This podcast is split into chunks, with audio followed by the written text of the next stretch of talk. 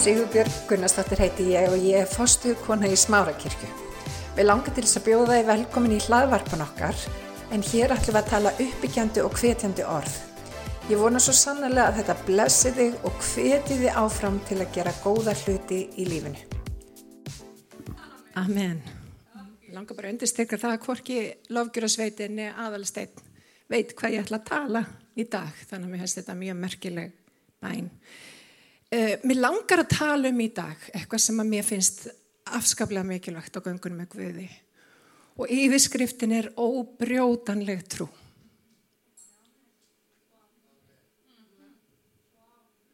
Ég ætla að segja þetta aftur. Yfirskriftin er óbrjótanleg trú. Og ég ætla að tala um það, hvernig við getum eignast óbrjótanlega trú. Og það mér finnst það mikilvægt. Og á tímum það sem er endalust eitthvað þrýstingur á okkur, þá þurfum við að eiga óbrjótanlega trúvinir. Það er mikilvægast af öllu. Og mér langar til þess að fara í Mattus 15 og lesa þaðan. Þaðan held Jésu til byggða týrusar og sítunar. Þá kom konun okkur kannverskur þeim hér um og kallaði. Miskuna þú mér drottin, minn, drottin svonur Davís. Dóttir mín er mjög kvalinn af yllum anda. Og Jésu svaraði henni engu orði. Lærisennir hans komið þá og báði hann, láttu hann að fara. Hún eldir okkur með hrópum. Jésu mælti, ég er ekki sendur nema til tindra sögð af Ísælsætt.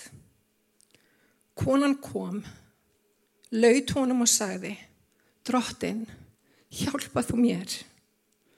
Og hann svaraði, ekki sæmir að taka börn, barnana og kasta því fyrir hundana. Og hún sagði, satt er það drottin. Þó etta hundarnir móla þá sem falla að borðum húsbænda þeirra. Þá mælti Jésu við hana, kona, mikil er trú þín. Verði þér sem þú vilt og dóttir hennar var heil frá þeirri stundu.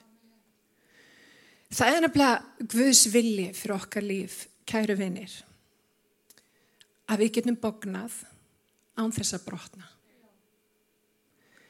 Það er Guðs vilji að við getum ratað beinar brautir á göngunum með honum. Að við getum farið í gegnum góða kringustæður, en við getum líka farið í gegnum erfiða kringustæður án þess að brotna.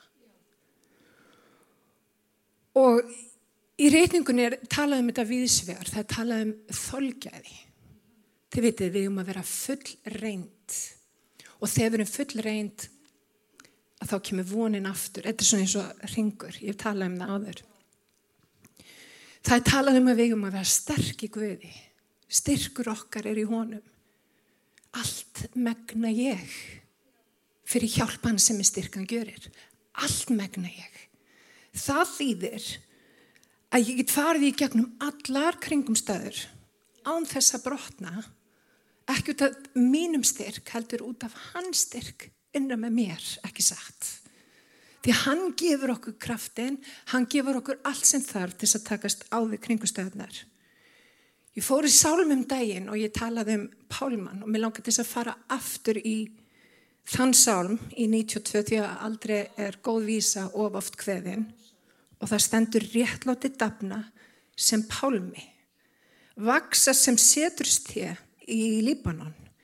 Þeir eru gróðu settir í húsi drottins og þeir blómgast í forgurum Guðsvós, bera ávöxt í hári elli. Vá, þetta hljóman eins og ég vil vera. Eru safaríkir og grænir og bóða drottin er réttlátur, hann er bjargmiðt. Hjá honum er ekkert rangt til. Pálminn er nefnilega skapaður með vindin í huga. Og við eigum samkvæmt þessu að vera eins og pálminn. Og þegar við tölum um vindin í þessu sambandi þá er ég auðvita að tala um það í því sambandi sem, sem þrýstingur í líf okkar. Þrýstingur sem kemur og, og sem, að, sem er óþægilegur. Við veitum það, þrýstingur er ekki þægilegt fyrirbreið þegar við erum að upplifum okkur undir þrýsting. En ég er að tala um þetta þannig og það eru mjög margir Hello. Það eru mjög margir sem að upplifa ymmið þennan þrýsting í dag. Og þrýstingurinn á COVID-tíma eru alls konar, vindarnir blása úr alls konar áttum að mér langar til að taka dæmi atvinnumissir veikindi. Hræðsla varandi afkomi fólks.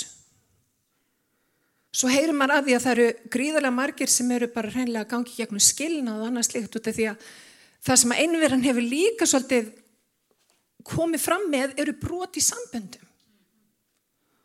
Og fólk sem að leið kannski ekkit rosalega vel líður en ver ákveður núna. Og er, þeir eru að sjá aukningu og það er verið að tala um það á þessum fundum, það er aukning í kvíð og þunglindi og aðra svona, svona gæðræna kvilla. Þeir ígjast í svona, í svona árferði. Þannig að vindurinn kemur úr mörgum áttum í dag, það er þrýstingur.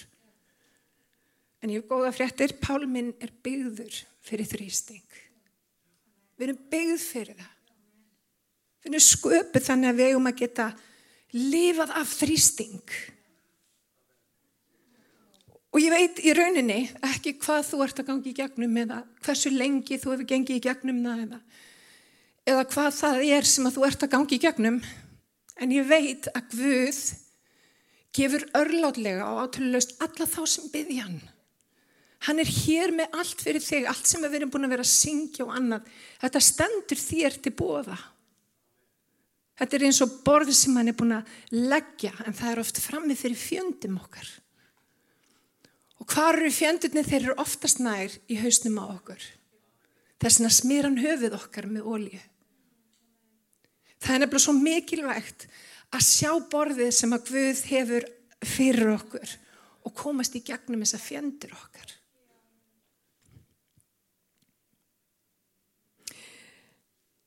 En það er auðvitað ekki pálminn sjálfur, það sem þið sjáuðu í yfirborðinu sem heldur trénu uppi. Það eru ræturnar. Likil atriði við pálmann eru nefnilega sveianlegar rætur.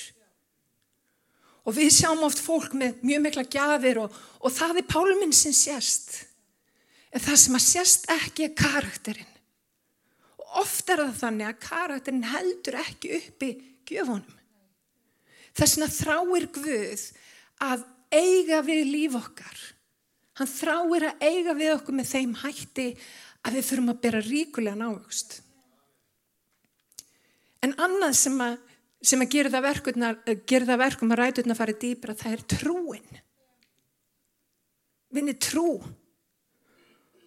Og, og það er nú þannig að óbrjótanlega trú þróast ekki öðruvísi en í brjótanlegum aðstæðum.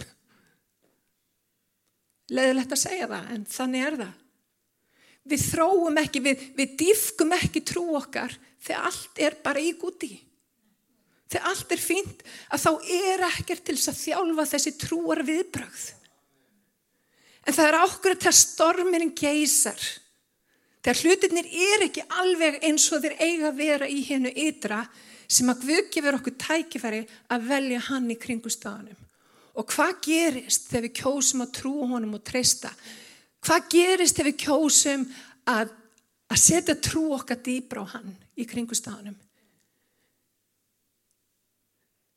Það sem að gerist er það að við fyrir að vaksa alveg svakalega hratt. Því eftir stormin að þá vex pálminn sérstaklega vel. Finnst ykkur þetta ekki merkilegt? Það gerist eftir stormin. Þannig að mér langar til þess að aðeins að brjóta þetta niður. Tekstinn sem við vorum í, tekstinn sem við vorum að lesa. Tekstinn segir að Jésu hafi farið þaðan til Týrus og Sítunar. Hún byrjar á því að segja að Jésu yfirgaf eitthvað. Og hvað var Jésu að yfirgefa? Fyrr í kaplanum þá er það farisér, þessi farisér. Þeir eru út um allt í biblíunni og við erum að sigrast af farisum. Þeir eru nefnilega út um allt og það sem að þeir eru bara að þræta við Jésu. Og vitið það, Jésu vissa tímans á jörðinni var bara dýrmættur. Þannig að hann í rauninni bara svara þeim og fer út úr aðstáðunum.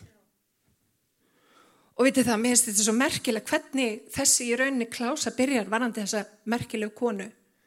Það sem að Jésús segi mikileg trúðín.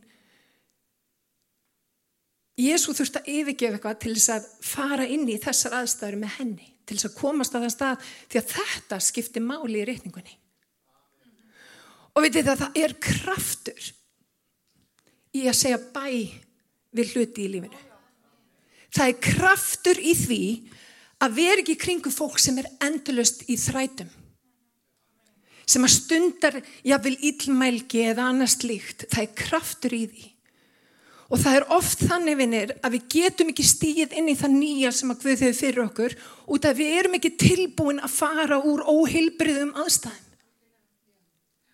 Og það er synd. Það er skömm. Út af því að við missum af því sem að Guð vil gera fyrir okkur. Því að það er nefnilega kraftur í að segja bæfi hluti. Kraftur sem að margir fara svolítið á mísvið.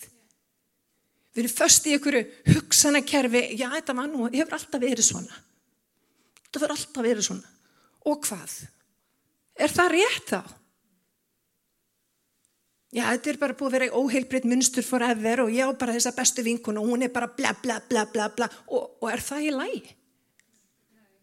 Er það til lægi?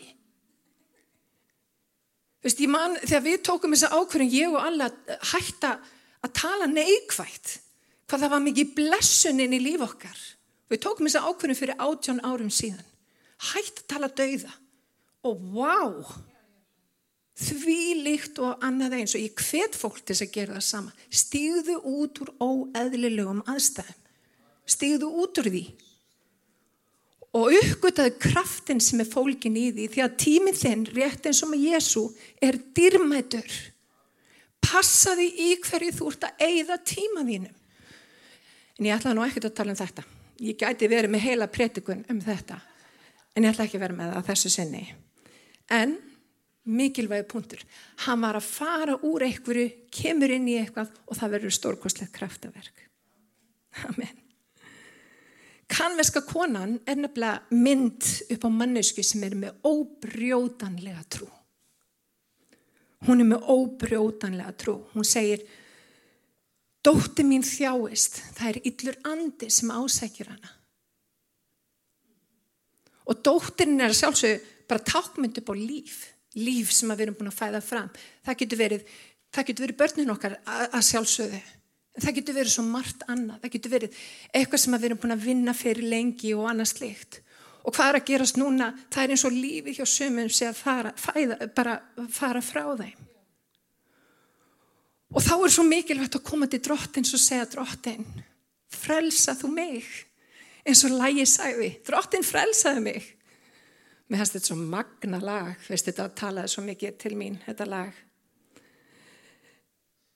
En allavega, hún kemur fram fyrir Jésu og hún segir, lífið sem ég, sem ég hef skapað, það er bara við það að deyja, það er yllur andi sem ásækir dóttu mína. Og hvað gerir kærleikurinn uppmálaði? Hvað gerir kærleikurinn? Hann þakði.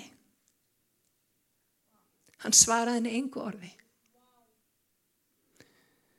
Og minni, hvað gerum við þegar Jésu svarar okkur engu orði?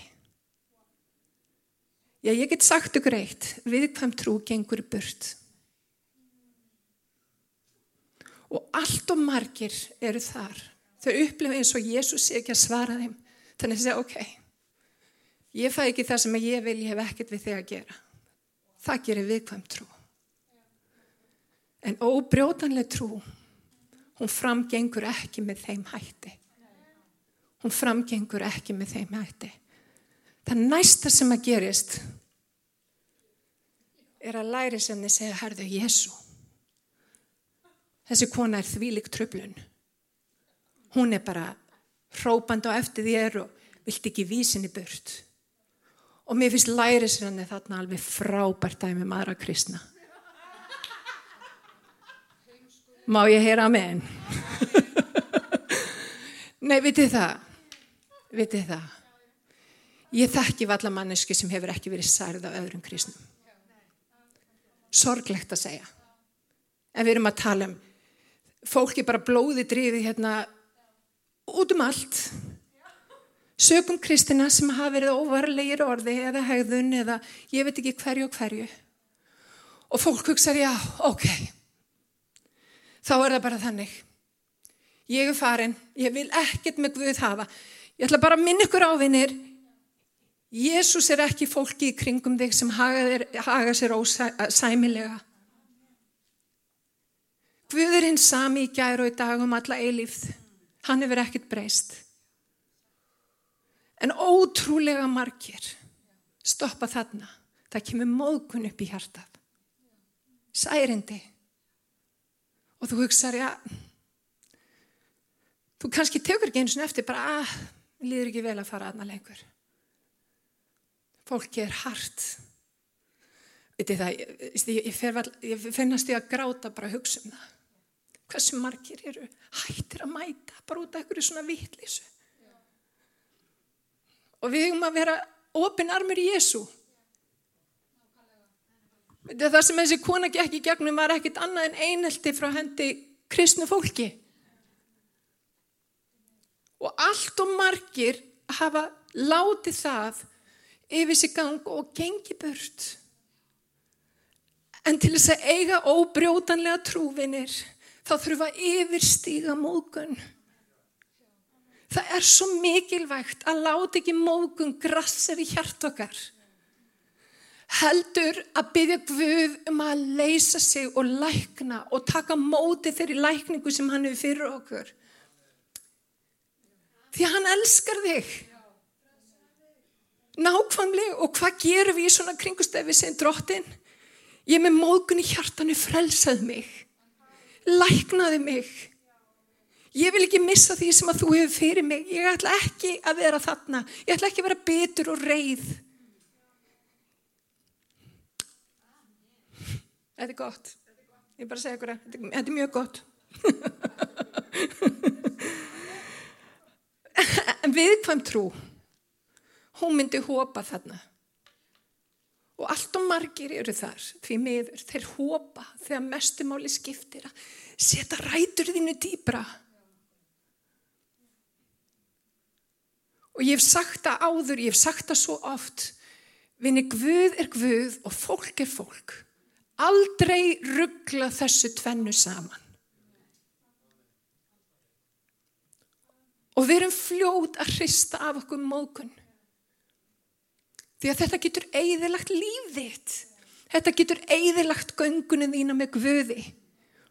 Og það er nóg komið. Það er nóg komið. Og mér langar bara til þess að byggja Guð um að gefa ykkur lækningu í dag við mókun.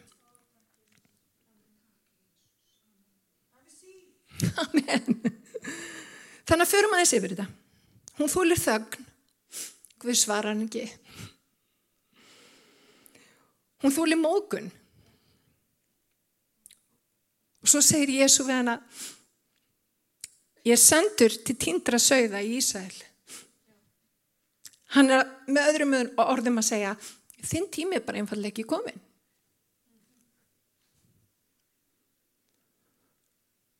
Og mjög margir hefði gengið þannig bört. Mjög margir. Ég veit ekki hversu oft ég beði Guð um bænasvar í ákveði bænarefni. Og enn í dag er ég að byggja og það hans tími er bara einfallega ekki komin og ég geti hægt og orði byttur og hægt að byggja um þessi bænarefni. En staðfest trú ger það ekki.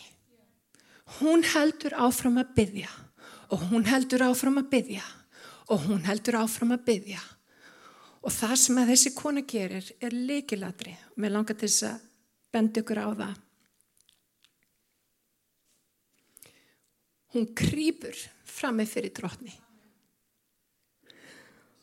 Og hvað táknar það að krjúpa fram með fyrir drotni? Öðmygt, alveg klálega og tilbeðsla. Hvað gerum við þegar við erum búin að fá nei, við erum búin að fá þögn, við erum búin að fá móðgun, við erum búin að upplifa allan skalan. þá fyrir við að krjúpa frammi fyrir Guði og við fyrir að tilbyða hann sem aldrei fyrr.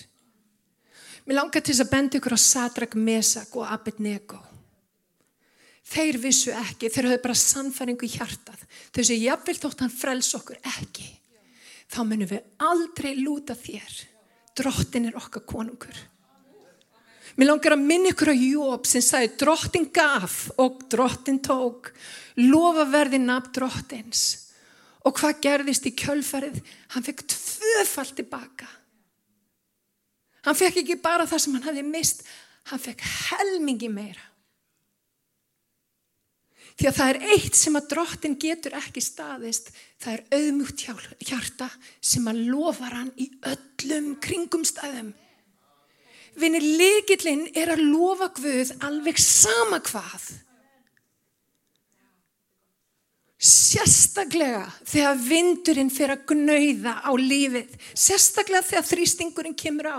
Sérstaklega þegar hlutinni gangi ekki upp eins og þeir eiga gangu upp. Hvað gerum við þá? Við föllum á fætur okkur og við fyrum að tilbyðja hann sem öllu ræður. Vinni, ég, ég er að gefa ykkur likil í dag.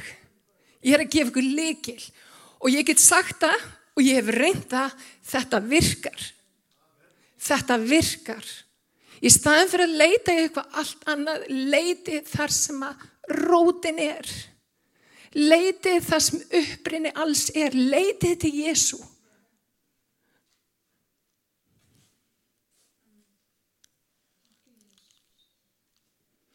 Þegar við erum tilbúin að lofa Guð þrátt fyrir hjartasár. Þegar við erum tilbúin að lofa Guð þrátt fyrir áföll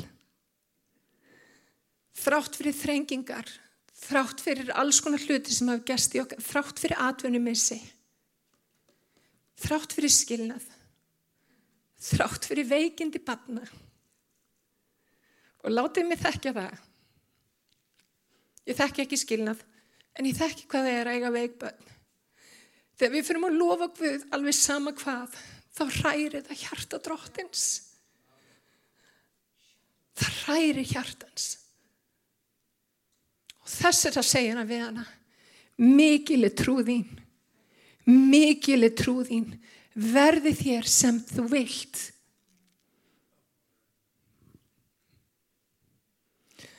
Og í dag þá trúi því að Guður að reysu fólk með mikla trú.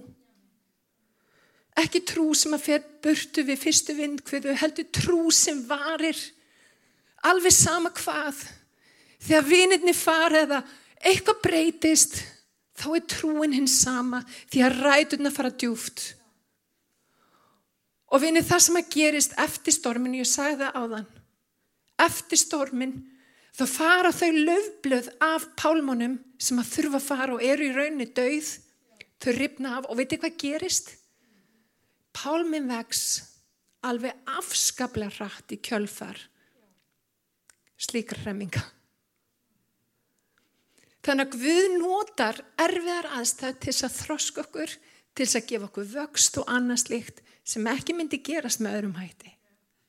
Þannig í dag, í staðin fyrir að barma okkur, förum að lofa Guð og þakka honum. Förum að þakka honum fyrir alltaf stórkostlega sem hann hefur gert fyrir okkur. Ég veit ekki með ykkur en ég er alveg ótrúlega blessuð kona. Ég blessuð af þessari indislegu mögnu í kirkju, ég blessuð af alla mínum Ég blessu að mömmu, ég blessu að Jóhannu og ég er svo blessuð. Ég á frábær börn. Hefur allt verið í gúti alltaf? Nei, alls ekki. En ég er blessuð. Guð hefur alltaf reynst trúr og réttlátur. Hann hefur alltaf komið og hann hefur alltaf haft síðasta orðið. Ég er svo blessuð að haldur minn var að flytja inn á skrifstóna til mín. Ég er svo blessuð. Mér finnst ég svo rík. Og vinir, horfum á lífið þannig, horfum á það sem að gott er, það sem að við höfum, horfum á það og förum að þakka Guði. Hrærum hjarta Guðs og setjum rætur okkar miklu dýbra en þær eru núna og sjáum hvernig við getum vaksið í gegnum alla kringustæður. Má ég heyra með henn? Má ég heyra með? Eins og þið meina en ég held þetta sé bara gott í byli. Ég vona að eitthvað hafi setið eftir hjá okkur. Amen. Ef að rýsa fætur? Það held ég nú. En ef að þú ert heima og þú upplifir eins og þú ert að eða hér, fyrir ekki þið, þið eru líka hér. Ef að þið upplifir eins og þið séu bara reynlega brotna. Það er einhver þrýstingur í lífi ykkar. Einhver rosalegu þrýstingur. Prófið þetta sem ég var að segja. Prófið að hrista af ykkur mógun. Hrista af ykkur þögnina. Hrista af ykkur særindin og fara að lofa Guð. Fallið fram fyrir fætur honum og, og bara sjáu þið hvað gerist. Ég skal lofa ykkur því það er, það er ekki til neitt magnara. Þess vegna segir hann mikil er trú þín. Þetta er eitt að fáum skiptum og þetta er kannvis kona. Þetta er ekki gefingur. Þetta er kannvis kona og hann segir mikil er trú þín. Ég vil hann segja þetta við mig líka. Ég ætla bara að koma í þannig fyrir. Hann mun segja þetta við mig. en um það, ef þú ert heima og þú ert að glíma við þetta, þú upplifir eins og setja brotna, þá er Jésu svari fyrir þig. Og mér langar til þess að byggja, drottin, ég kem fram fyrir þig. Ég þakka þið fyrir að þú ert trúfastur. Þú ert heilagur. Þú ert megnugur að gera langt umfram það sem ég skilja og skinja. Þín hæð, þín, þín, þín kærleikur er stærn allt sem ég get útskýrt. Meir en allt annað, drottin. Og drottin, ég byrjum að gefa okkur ofinbyrjun á það hver þú ert. Þetta snýst ekki um einhver eigin getu, þetta snýst um að treysta þér. Þetta snýst um að, að leifa þér að elska okkur. Þetta snýst um það að snerta þig, Jésús. Gjá okkur náða að vinda frá okkur allt ruslega, það sem að tekur auð okkur frá þér, drottin, og, og gefa okkur skýra sín, drottin. Að í öllum kringumstæðum að við sjáum þig, drottin og við látum ekkert hindra okkur í að nálgast þig. Megu við verið eins og kanveska konan í gegnum allar þessar þrengingar þá hallaði hún sér nær. Hún hallaði sér nær. Hún fjall við þín, við fætur þínar og hún tilbað. Hún auðmygti sig og tilbað. Og drottin, viltu verki í okkur að vilja og framkoma því að þetta er velþóknunar og við byrjum í Jésu nafni. Mér langar til þess að byrja fyrir þeim sem að þekk ekki Jésu. Vitið það, ég get ekki gefið ykkur neina starri gef en það að kynna ykkur fyrir Jésu. Ef þú þekkir ekki Jésu, þá hveti ég til þess að taka við honum í trú í dag og það er svo einfalt. Það er að trú í hjartanu og játa með vörunum. Og mér langar til þess að byrja einfalda bæn sem er bara bæn til lífs. Og ég hveti ykkur til þess að byrja bænin eftir mér og hún er svona kæri Jésús Ég byrði um að koma inn í hjarta mitt í dag.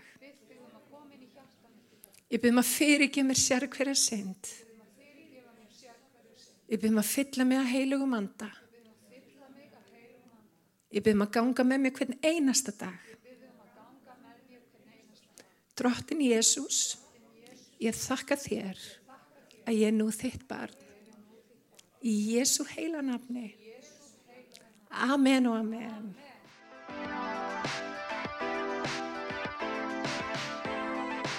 hvetið til þess að stilla inn á okkur með reglum hætti því að hér verður alltaf eitthvað nýtt á nálinni. Takk fyrir að hlusta.